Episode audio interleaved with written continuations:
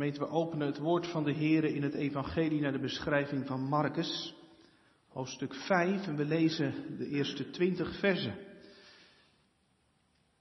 Marcus 5, vers 1 tot 20.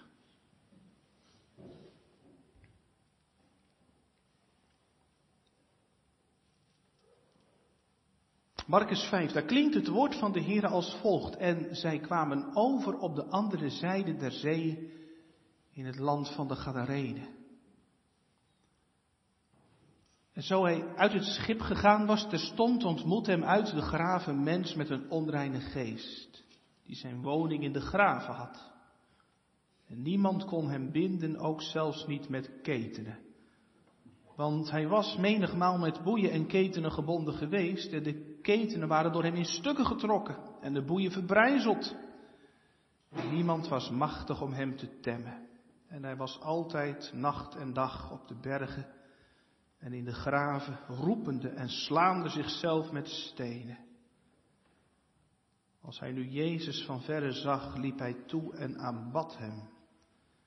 En met een grote stem roepende zei hij, wat heb ik met u te doen, Jezus, gij zoon van God de Allerhoogste? Ik bezweer u bij God dat gij mij niet pijnigt. Want hij zei tot hem, gij onreine geest, ga uit van de mens. En hij vroeg hem, welke is uw naam? En hij antwoordde, zeggende, mijn naam is Legio, want wij zijn velen. En hij bad hem zeer dat hij hen buiten dat land niet wegzond. En daar aan de bergen was een grote kudde zwijnen weidende. En al de duivelen baden hem zeggend, zend ons in die zwijnen, opdat wij in dezelfde mogen varen. En Jezus liet het hun terstond toe en de onreine geesten uitgevaren zijn de voeren in de zwijnen. En de kudde stortte van de steilte af in de zee. Daar waren er nu omtrent 2000 en versmoorden in de zee. En die de zwijnen weiden zijn gevlucht en boodschapten dat in de stad en op het land. En ze gingen uit om te zien wat het was dat er geschied was. En ze kwamen tot Jezus. En zagen de, bezeten, de bezetenen zittende en gekleed en wel bij zijn verstand. Namelijk die het legioen gehad had en ze werden bevreesd. En die het gezien hadden, vertelden wat de bezetenen geschied was en ook van de zwijnen. En zij begonnen hem te bidden dat hij van hun landpalen wegging. En als hij in het schip ging, bad hem degene die bezeten was geweest dat hij met hem mocht zijn. Maar Jezus liet hem dat niet toe, maar zei tot hem, ga heen naar uw huis tot de uwe en boodschap hun wat grote dingen u de Heer gedaan heeft en hoe hij zich over u ontfermd heeft. En hij ging heen en begon te verkondigen in het land van Decapolis wat grote dingen hem Jezus gedaan had. En zij verwonderden zich allen. Dat is het woord van de Heer voor deze middag. Kerntekst voor de prediking vormen de versen 6 tot 8. Die lezen we nog een keer, Marcus 5, vers 6 tot 8. Daar klinkt het woord van de Heere als hij nu Jezus van verre zag, liep hij toe en aanbad hem en met een grote stem roepende zei hij, wat heb ik met u te doen, Jezus, gij zoon van God de Allerhoogste? Ik bezweer u bij God dat gij mij niet pijnigt. Want hij zei tot hem, gij onreine geest, ga uit van de mens. Gemeente, wat bezielt ze? Misschien hebt u zich dat ook afgevraagd toen u afgelopen week de beelden zag van die avondklokrellen. Wat bezielt ze? Prima dat je een mening hebt over de avondklok, die heb ik ook. Maar auto's op de kop en in de fik. En dan de supermarkten plunderen. Bakstenen naar de politie. Aanval op een ziekenhuis. Zelfs de buitenlandse media hebben er uitgebreid over bericht. Is dit Nederland? Zijn dat nou die nuchtere Hollanders? Radeloze burgemeesters die zich afvragen, wat, wat moeten we nu dan? Laten we het leger inzetten.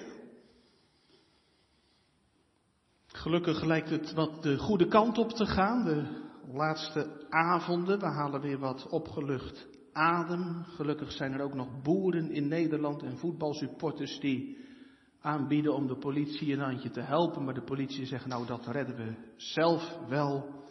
En uh, mooi dat er ook meteen uh, snelrecht is.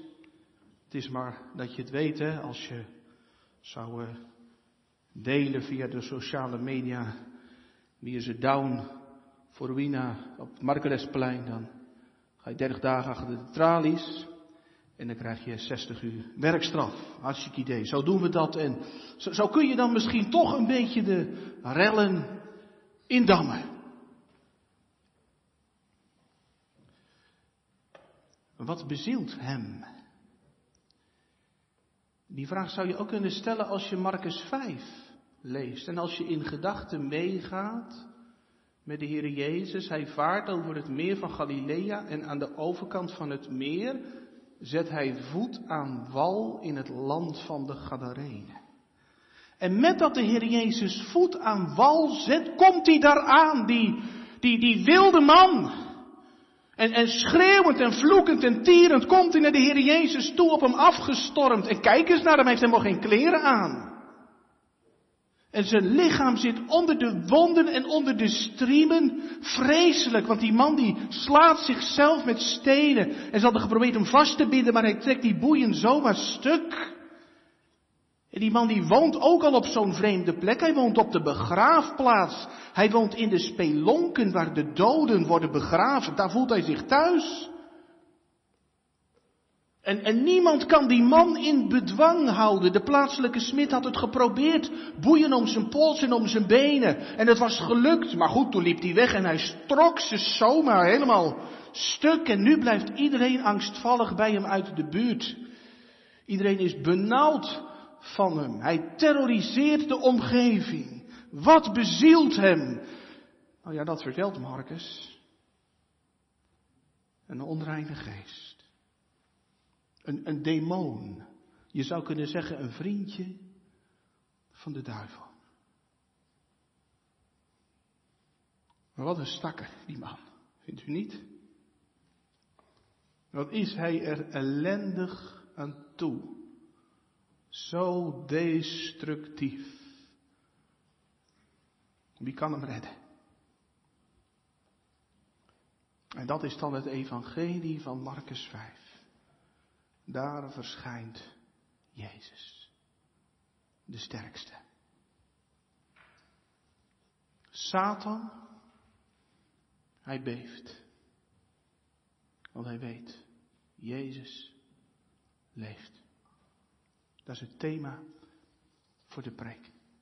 En dan gaan we letten op drie dingen. Eerst letten we op de bezetter van Gadara. En dan kijken we naar de bevrijder van Gadara.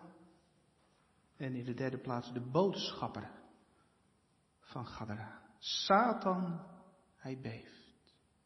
Want hij weet, Jezus leeft.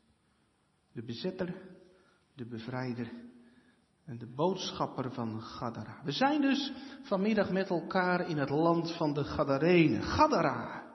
Dat is de belangrijkste stad van het gebied Decapolis. Decapolis betekent tien steden. Dat is dat gebied. Als je even de kaart van Israël eh, voor je haalt, dan moet ik het natuurlijk in spiegelbeeld doen, zo de kustlijn. Hier het meer van Galilea, Decapolis aan de overkant van het meer van Galilea en het gebied daaronder. Dat gebied dat hoorde vroeger bij Israël. Het was het stamgebied van een gedeelte van de stam van Manasse. Maar al heel snel werd dat gebied ingepikt door anderen. Net zoals de Duitsers in de Tweede Wereldoorlog Nederland hadden ingepikt. Die gingen gewoon hier de baas spelen. Nou ja, zo was het ook gegaan met dat gebied wat nu Decapolis heet. En rond het jaar 63 voor Christus was er een tien stedenbond opgericht. Waarom? Waarom hadden die tien steden daar een verbond gesloten? Nou ja, omdat ze heel graag zelfstandig wilden blijven tegenover het Joodse land. En daarom waren die steden ook heel bewust georiënteerd op de Hellenistische, op de Griekse cultuur. Zeg maar even een, een, een anti-Joods gebied. De stad Gadara bijvoorbeeld had heel wat uh, dichters en uh, filosofen voortgebracht. Het is een Grieks bolwerk tegenover Israël. En dat het wat anti-Joods is, dat merk je ook in deze geschiedenis natuurlijk aan die varkens. Hè? Een gigantische kudde van 2000 varkens. Die zul je in Israël niet tegenkomen. Een vark is een onrein dier, dat weet iedereen. Hij heeft wel een gespleten hoef, maar hij herkoudt niet. En daarom is hij volgens de wet van Mozes onrein. Maar in Decapolis is blijkbaar een groot afzetgebied voor varkensvlees. En varkens zijn ook de offerdieren van de heiden. En de Heer Jezus komt in dat gebied aan land. Dat is al opvallend, want twee hoofdstukken verder horen we de Heer Jezus zeggen, ik ben niet gezonden dan tot de verloren schapen van het huis van Israël. Dit hoort helemaal niet bij Israël zou je denken. Maar de Heer Jezus bemoeit zich wel met het land van de Gadarenen, want eigenlijk hoort het wel bij Israël. Hier verschijnt de wettige koning van dat gebied Decapolis. En je merkt in dit gedeelte dat de strijd om dat gebied in alle hevigheid losbarst. Allereerst natuurlijk in die bezeten man. Terstond, als de Heer Jezus voet aan wal heeft gezet, komt die bezeten man eraan gestormd. En die onreine geest, die ja, de persoonlijkheid van die man helemaal in beslag heeft genomen, helemaal overgenomen heeft, die herkent in Jezus de Zoon van God. Dat hoor je hem ook zeggen, wat heb ik met u te doen? Jezus, Zoon van God, de Allerhoogste, want heel het rijk der duisternis weet wie Jezus Christus is. En het is alsof die man wil zeggen, alsof die onreine geest wil zeggen, ga weg, Jezus, Zoon van God, hier ben ik de baas. En hij zegt, ik bezweer u bij God dat u mij niet pijnigt. Want dat weet de duivel, dat op de dag van het oordeel hij geworpen zal worden in de poel die brandt van vuur en zwavel. En dan staat er in het Bijbelboek Openbaring, en ze zullen dag en nacht gepijnigd worden in alle eeuwigheid. In Matthäus 8 kom je deze geschiedenis ook tegen. En dan hoor je die onreine geest zeggen, bent u hier gekomen om ons te pijnigen voor de tijd? Alsof die onreine geest wil zeggen, het is toch niet nu al zover? U kunt toch niet nu al om ons te pijnigen?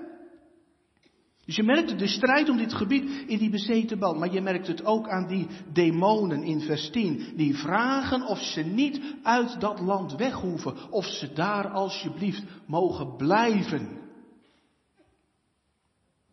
En je merkt het ook aan de bewoners van dat gebied in vers 17. Ze vragen of de Heer Jezus uit hun gebied wil weggaan, want de Heer Jezus pakt hun godsdienst af en hun broodwinning. Dus je merkt het, heel dit gebied is er vol van bewust verzet tegen de God van Israël en tegen het woord, de Torah van de God van Israël. Een, een strijd tussen licht en duisternis die dus in alle hevigheid zichtbaar wordt in die ene man. Aangrijpend. Bezetenheid. Je leest er vaker over in het evangelie en ook in het boek Handelingen. En, en, en deze man, die wordt blijkbaar bezeten door een legioen. Legio, zegt hij, als de Heer Jezus vraagt naar wat is uw naam. Een legioen van de Romeinse soldaten bestond uit, uit 6000 soldaat is niet gezegd dat het hier ook om 6000 demonen gaat, maar het is natuurlijk wel weer opvallend hè, dat uh, als die onreine geesten uitgedreven zijn, dat ze met gemak die 2000 varkens kunnen bemensen. Is dat nou iets wat vooral in de tijd van de Heer Jezus er was? Als de Heer Jezus verschijnt op aarde, als de Satan zich realiseert, nu is het moment aanstaande dat mijn kop vermorzeld gaat worden, dat hij dan nog een keer woest om zich heen slaat? Of komt dat nog steeds voor? Bezetenheid. Ja, ik geloof van wel. las over een meisje dat een poosje in Brazilië gewerkt heeft. In een sloppenwijken waar eh, allerlei bendes opereren. Dat meisje had daar in die sloppenwijken iets gezien van de macht van Satan. Jongeren die letterlijk hun ziel hadden verkocht aan Satan in ruil voor macht. Dus akelig om op je af te laten komen. Dat meisje ging in gesprek met die jongeren. En er was één jongere die alleen al bij het horen van de naam van Jezus totaal door het lint ging. En als er een psalm of een geestelijk lied werd gezongen, dan verloor die jongere alle zelfbeheersing. Nou, het zou zomaar kunnen zijn dat er daar sprake was van een vorm van bezetenheid. En u kent misschien ook wel de verhalen uit de wereld van de popmuziek. Mensen die hun ziel aan Satan hebben verkocht in ruil voor muzikaal talent.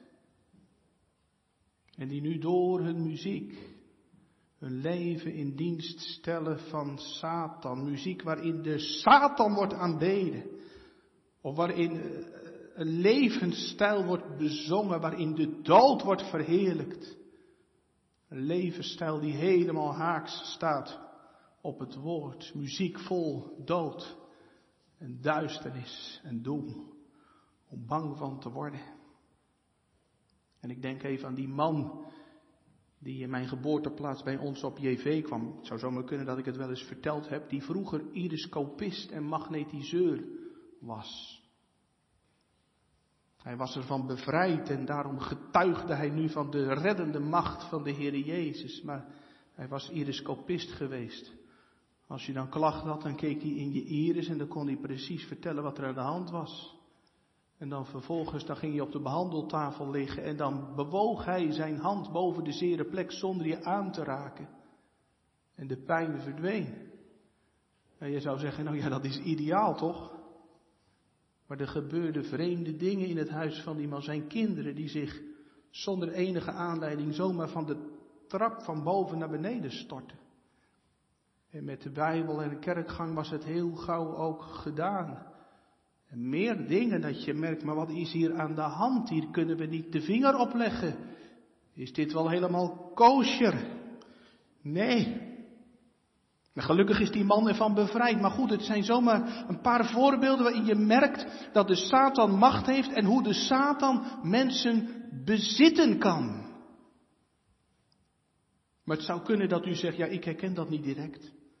Het bezetenheid waarbij iemand zelf zijn totale persoonlijkheid verliest, zoals hier in Marcus 5. Dan, dan lijkt die geschiedenis misschien een beetje ver van je bed, maar dat is natuurlijk niet waar. Hè? Want de duivel heeft invloed in het leven van ieder van ons, toch? Of zou de duivel zich niet inlaten met u? Iemand zei voetbal is oorlog, maar je kunt beter zeggen christen zijn is oorlog. Wij hebben de strijd niet tegen vlees en bloed, zegt Paulus, maar tegen de machten, tegen de geweldhebbers van deze eeuw, tegen de geestelijke boosheden in de lucht. Vergis je niet. Leven wij ook niet in bezet gebied? De duivel is brutaal het paradijs binnengestapt. En hij wist Eva en Adam in te palmen. En sindsdien is de wereld bezet gebied en is de duivel erop uit om de goede schepping van God kapot te maken, te ruïneren. Om als het kon mensen mee te sleuren de afgrond in, zoals je ziet in Marcus 5. Want daar is de duivel op uit, op je dood. En juist daarom is het belangrijk om zicht te hebben als christen op de tactiek van Satan. Dan weet je hoe je tegen hem vechten moet, toch? Als een eh, voetbalteam voor een belangrijke wedstrijd staat, wat doet de coach dan? Die analyseert de tegenstander. Hoe spelen ze? Wat zijn gevaarlijke spitsen? Welk systeem spelen ze? Dan weet je hoe je het veld in moet gaan en met welke spelers. Belangrijk dat je als christen weet hoe de Satan werkt. En een van de grootste trucs van de Satan is de grote verdwijntruc. Hij vindt het prima als je van uitgaat dat hij er niet is. Wat leren we uit de Bijbel over de duivel? Hij is de verleider. En een van de sterkste wapens van de boze vandaag de dag is misbruik van seksualiteit. Jongeren die een totaal verknipt beeld krijgen van seksualiteit door de beelden die ze te zien krijgen. Mannen, vrouwen, verslaafd aan de porno. En het ruïneert je ziel en je leven. Mensen die in de greep zijn van iets anders, een alcoholverslaving, een gameverslaving. Uren Netflixen en het staat in geen verhouding tot de tijd die je besteedt aan het woord van God en de God van het woord. Heel veel jongeren geven zelf aan, ik, ik geef, besteed veel te veel tijd aan mijn mobiel, maar het is nog niet zo makkelijk om dat te veranderen. En de Bijbel laat zien boosheid. Dat is ook een belangrijke invalspoort voor de duivel. Paulus schrijft, word boos, maar zondig niet. Laat de zon niet ondergaan over uw boosheid. En geef de duivel geen plaats. Boosheid kan terecht zijn, maar als je het laat voortsudderen, als je het niet uitpraat, als het niet opgeruimd wordt, dan slaat het mensen hoe langer hoe verder uit elkaar en je kunt zomaar in de greep komen van de wrok van de boze. De Satan is een verleider. De Satan is ook een bedrieger. Hij wordt in de Bijbel de vader der leugen genoemd. Hij heeft de leugen uitgevonden. Hij is met een leugen in het paradijs gekomen. Klopt het dat God gezegd heeft dat jullie niet mogen eten van die bomen die hier staan? Nou ja, de Heere God had wel iets gezegd over die bomen. Maar de Satan verdraait het. Een klein beetje. Mag dat niet eens van jouw God? En dat trucje, dat past de duivel natuurlijk nog steeds toe. Doe wat je wilt. Het is toch zeker jouw leven, hè? dat verlangen om God te zijn en zelf te bepalen wat goed is en wat kwaad is. Er is nog niet zoveel veranderd. De duivel een bedrieger ook in de kerk, waar hij probeert dat dwaalleer ons in de greep krijgt. Een evangelie zonder kruis en opstanding. Of een boodschap van de rechtvaardiging van de vrome, waarbij je van alles en nog wat moet hebben en kunnen vertellen en weet ik wat allemaal. In plaats van de rechtvaardiging van de goddeloze. Waarbij je leeft van het werk dat Jezus heeft volbracht. Of een evangelie zonder kruis dragen. Waarbij je christen kunt zijn en gewoon jezelf kunt blijven. Of dwalen hier buiten de kerk allemaal je eigen waarheid. Er is geen absolute waarheid. Iedereen heeft zijn eigen waarheid. En geloof, dat is voor achter de voordeur. Net zoals in Marcus 5. Jezus, ga weg. Ga weg uit het maatschappelijk debat. Ga weg uit de Tweede Kamer. Ga weg uit het onderwijs. En hoe komt het dat ook in deze coronacrisis zo weinig mensen nadenken over de echte vragen van het leven? De Bijbel zegt, Satan verblindt de gedachten van de ongelovigen, opdat ze het licht van het evangelie niet zouden zien. Als ik vanaf de preekstoel met zo'n laserpen in uw ogen schijn, dan zie je niks meer. Nou, dat is precies wat de duivel doet. Hij verblindt ons. Hij verblindt de een met seks en de ander met voetbal en de volgende met zus. En, en, en je ziet niks meer om je heen. Je denkt niet meer na over de echte vragen van het leven. Waarom ben ik op aarde? Heeft mijn leven zin? Heeft mijn leven een doel? Wie ben ik eigenlijk? Een Satan, een bedrieger. En nog een tactiek van de Satan. Hij houdt zich bezig met het proeven van mensen. Denk aan het verhaal van Job. Zo'n verhaal waarbij je ziet hoe gigantisch groot de macht van Satan is. Hij kan niet verder gaan dan God toelaat en toch. Zelfs via rampspoed en ziekte en dan proberen om een wicht te drijven tussen God en je ziel. En dan die vrouw van Job, die wordt ook nog ingeschakeld. Hou je nou nog vast aan je vroomheid? Zeg God vaarwel en sterf. En misschien herkent u dat wel, zo'n gemene aanval van de Satan. In de stormen van het leven. Heb je daar nou al die jaren God voor gediend? Hij laat je nou mooi zitten? Of door vervolging? Hoe probeert de duivel in tal van landen mensen de stuipen op het lijf te jagen, dat ze de naam van Jezus maar zouden verloochenen? En zou de Satan ook niet de coronacrisis handig weten te gebruiken? Om ervoor te zorgen dat wij niet volharden tot het einde. De bezetter van Gadara. Maar daar komt de bevrijder aan. Dan denk ik even aan die tekst die we lezen in, in de eerste Johannesbrief. Hiertoe is de Zoon van God geopenbaard dat hij de werken van de duivel verbreken zou. En dat evangelie dat wordt zichtbaar in Marcus 5. De mensen die kunnen die bezeten man niet temmen. Een van die demonen maakt blijkbaar die man zo berensterk dat niemand tegen hem op kan. En, en Jezus komt. En de Heer Jezus gaat niet eens terug in de boot. Uit, uit angst, omdat daar zo'n wilde man aankomt. Want Jezus is Curios. Hij is de baas. Hij is de sterkste. De Heer Jezus gebruikt in Lucas 11 daar een uh, heel mooi beeld voor. Wanneer een sterke gewapende man zijn woning bewaakt, is alles wat hij heeft veilig. Ja, logisch, als je sterk bent en je hebt wapens, nou dan durft een dief niet bij jou binnen te komen. En dan zijn je spulletjes veilig. Maar zegt de Heer Jezus dan, als iemand die sterker is dan hij op hem afkomt en hem overwint, neemt hij hem zijn hele wapenrusting waarop hij vertrouwt af en verdeelt zijn buit. Dan komt iemand aan en die is sterker dan jij en die weet jouw huis binnen te dringen en die pakt je wapens af. Ja, en dan blijf je nergens. En dan kan degene die sterker is zomaar alles uit jouw huis wegpakken wat hij hebben wil. Nou, Jezus is sterker dan de duivel. Hij komt op aarde om de duivel te ontwapenen. En dan kan hij uit het huis van de duivel halen wat hij wil. En dat doet de Heer Jezus.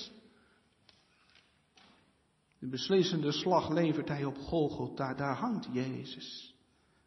Hij is de tweede Adam die zijn oren nooit heeft laten hangen naar de stem van de duivel, maar die altijd zijn vader heeft gehoorzaamd en verheerlijkt. En daarom stort hij daar zijn kostbaar bloed. Zijn losprijs voor velen om ze los te kopen uit banden van de dood. Er is wonderbare kracht in het dierbaar bloed van het lam. En, en hier wordt het zichtbaar in Marcus 5. Overwinnaar zal hij zijn.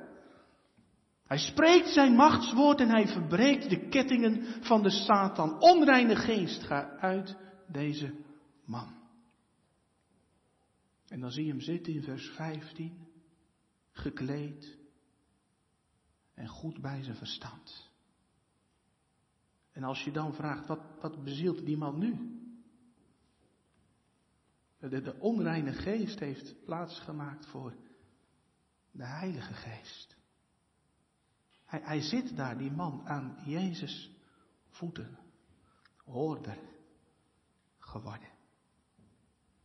En die bezeten man, die is niet de enige.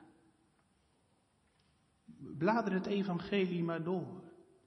Er zijn er zoveel die de bevrijdende macht van Jezus hebben ervaren. Zacchaeus, bezeten van het geld. En even later, de helft van mijn goederen geef ik aan de armen. En als ik gestolen heb, geef ik het viervoudig terug. Hoe komt dat? Door dat ene machtswoord vol vriendelijkheid van de Heer Jezus. Zacchaeus, haast je, kom af. Moet heden in jouw huis blijven. Of denk aan die Samaritaanse vrouw, gevangen in het net van de liefde, bezig met haar zesde man. En na de ontmoeting met Jezus is ze aan het getuigen. Kom, zie een mens die mij alles heeft gezegd wat ik gedaan heb. Zou deze niet de Christus zijn? Of denk aan Paulus. Die hoogmoedige fariseer die zo trots was op zijn vroomheid, besneden op de achtste dag. Een fariseer uit het geslacht van Israël. En wat noemt hij allemaal nog meer? Na die ontmoeting met Jezus. Alles schade en drek. Om de uitnemendheid van de kennis van Jezus Christus. Omdat, omdat die stem klonk in zijn leven. Sal, Sal. Waarom vervolg je mij? Gemeente, stel eens die vraag aan uzelf. Wat bezielt mij?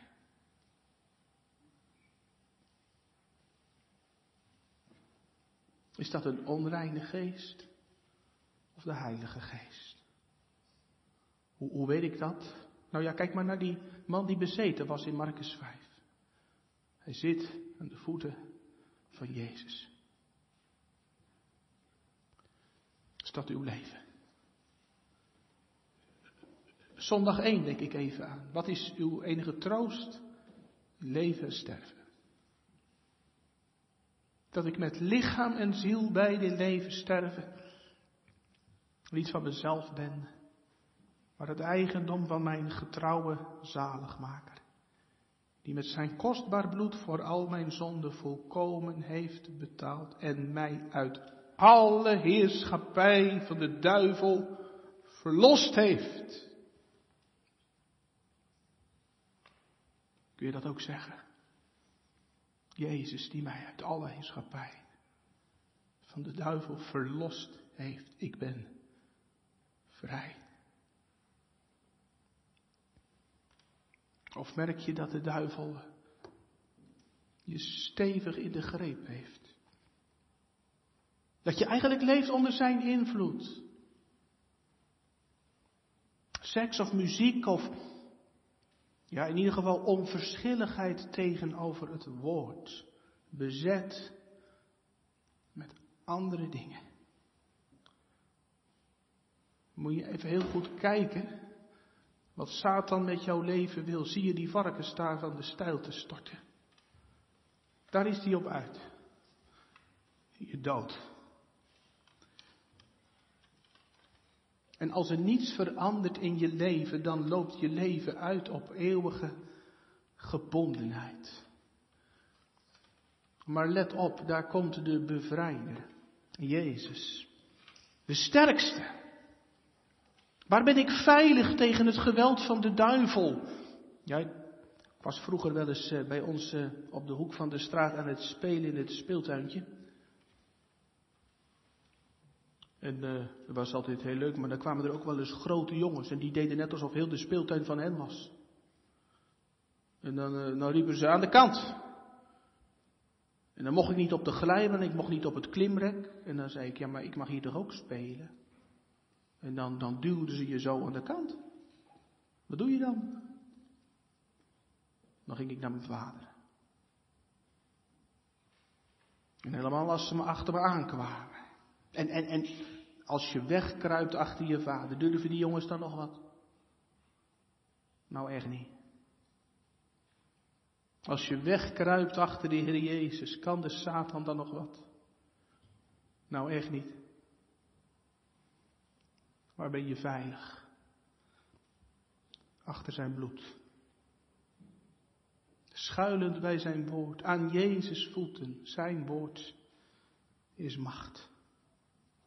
En door de kracht van de Heilige Geest landt dat woord en doet het kracht.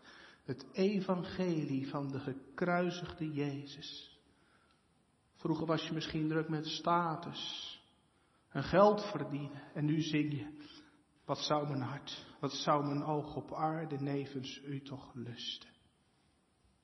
Want de Heilige Geest verlicht je verstand zodat je ziet waar de Satan op uit is. Dat de leugen van de Satan ontmaskerd wordt. Hij belooft je gouden bergen en vrijheid, maar hij bindt je en brengt je in de afgrond. En door woord en geest wordt je hart geopend. Komt de plek voor God. Door woord en geest wordt je wil gebogen zodat je zegt, Heere, wat wilt u dat ik doen zal? En dat is zo'n ongelooflijke bemoediging. Te weten dat het woord van Jezus met macht is. Als je je afvraagt, waar gaat het heen met Nederland?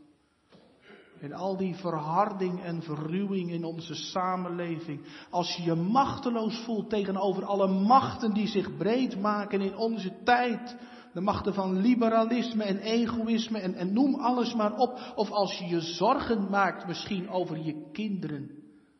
Zullen ze het volhouden om te gaan in het spoor van de Heer Jezus? Hoe blijven ze overeind? Is het wel verantwoord om kinderen te krijgen in deze tijd, om ze op te voeden? En trouwens zal ik zelf wel volharden tot het einde. Want als ik het goede wil doen, ligt het kwade mij bij. En dan in al je twijfel zien op het bloed van het lam dat in de doop op je voorhoofd gesprenkeld is. En waar je aan de avondmaalstafel op teruggeworpen wordt. Zijn kostbaar bloed, vergoten tot een volkomen verzoening van al onze zonden. Onthoud het. Wat Jezus sprak als afscheidsgroet voordat hij naar de hemel ging. Mij is gegeven. Alle macht. In de hemel en op aarde. De bevrijder. De geschiedenis heeft nog een staartje. Brengt ons bij derde van de preek, de boodschapper van Gadara. Er nog een staartje aan. Die demonen die willen in dat gebied blijven. Die vragen aan de Heer Jezus of zij in die varkens mogen. En daar zie je het al aan, hè, dat de Satan moet buigen voor Jezus. En de Heer Jezus die staat al toe. En als dolle stieren rennen die varkens dan de afgrond in, het water in. Die varkens verdrinken. Dat roept wel een beetje vragen op, hè? Ja, zeker in, in onze tijd met een partij voor de dieren. Waar is dat goed voor? 2000 varkens. Niet zo eenvoudig om daar wat over te zeggen. Ik kwam de suggestie tegen, zou het, zou het kunnen zijn dat de Heer Jezus de Gadarenen straft vanwege hun onreine leven? In elk geval is het een zichtbaar bewijs voor de discipelen en ook voor die bezeten man zelf, dat hij bevrijd is van dat legioen demonen. Het is een teken waardoor Jezus zijn macht toont. Ook een teken voor ons. Alleen niet iedereen is ervan gediend. Je merkt het hè, aan het eind van de geschiedenis. Die bezeten man, die is niet de enige die in de greep was, is van de duivel. Al die mensen in Decapolis, de economie op één. Hij pakt onze broodwinning af. Hun eigen godsdienst van leef maar raak op één. Hij pakt onze offerdieren af. Hij pakt onze kultus af. Jezus wilt u gaan. Die mensen in Gadra die hebben het wel goed aangevoeld. Als Jezus hier blijft, dan zullen wij ons leven moeten veranderen. Dan moet ons levenspatroon over een andere boeg. Dat voel jij ook wel aan, toch? Als, als Jezus in je leven is, dan moeten de dingen anders. Jezus wilt u gaan. En als Jezus niet welkom is, dan vertrekt hij. En dan zou je denken, dat is, jammer. Dat is jammer. Is de Heer Jezus dan klaar met Decapolis? Nee, want je proeft ook iets van het geduld van de Heer in deze verse. Die genezen bezetene, die moet er blijven. Die zou het liefst voor altijd bij Jezus blijven. Dat is zo ontroerend. Heer Jezus, mag ik bij u blijven? Maar de Heer Jezus heeft werk voor hem te doen. Ga terug naar de uwen. Hij wordt de boodschapper van Gadara. Hij mag de boodschap van Gods ontferming brengen. Betrek het maar op uzelf. Als je mag leven van de bevrijdende macht van de Heer Jezus.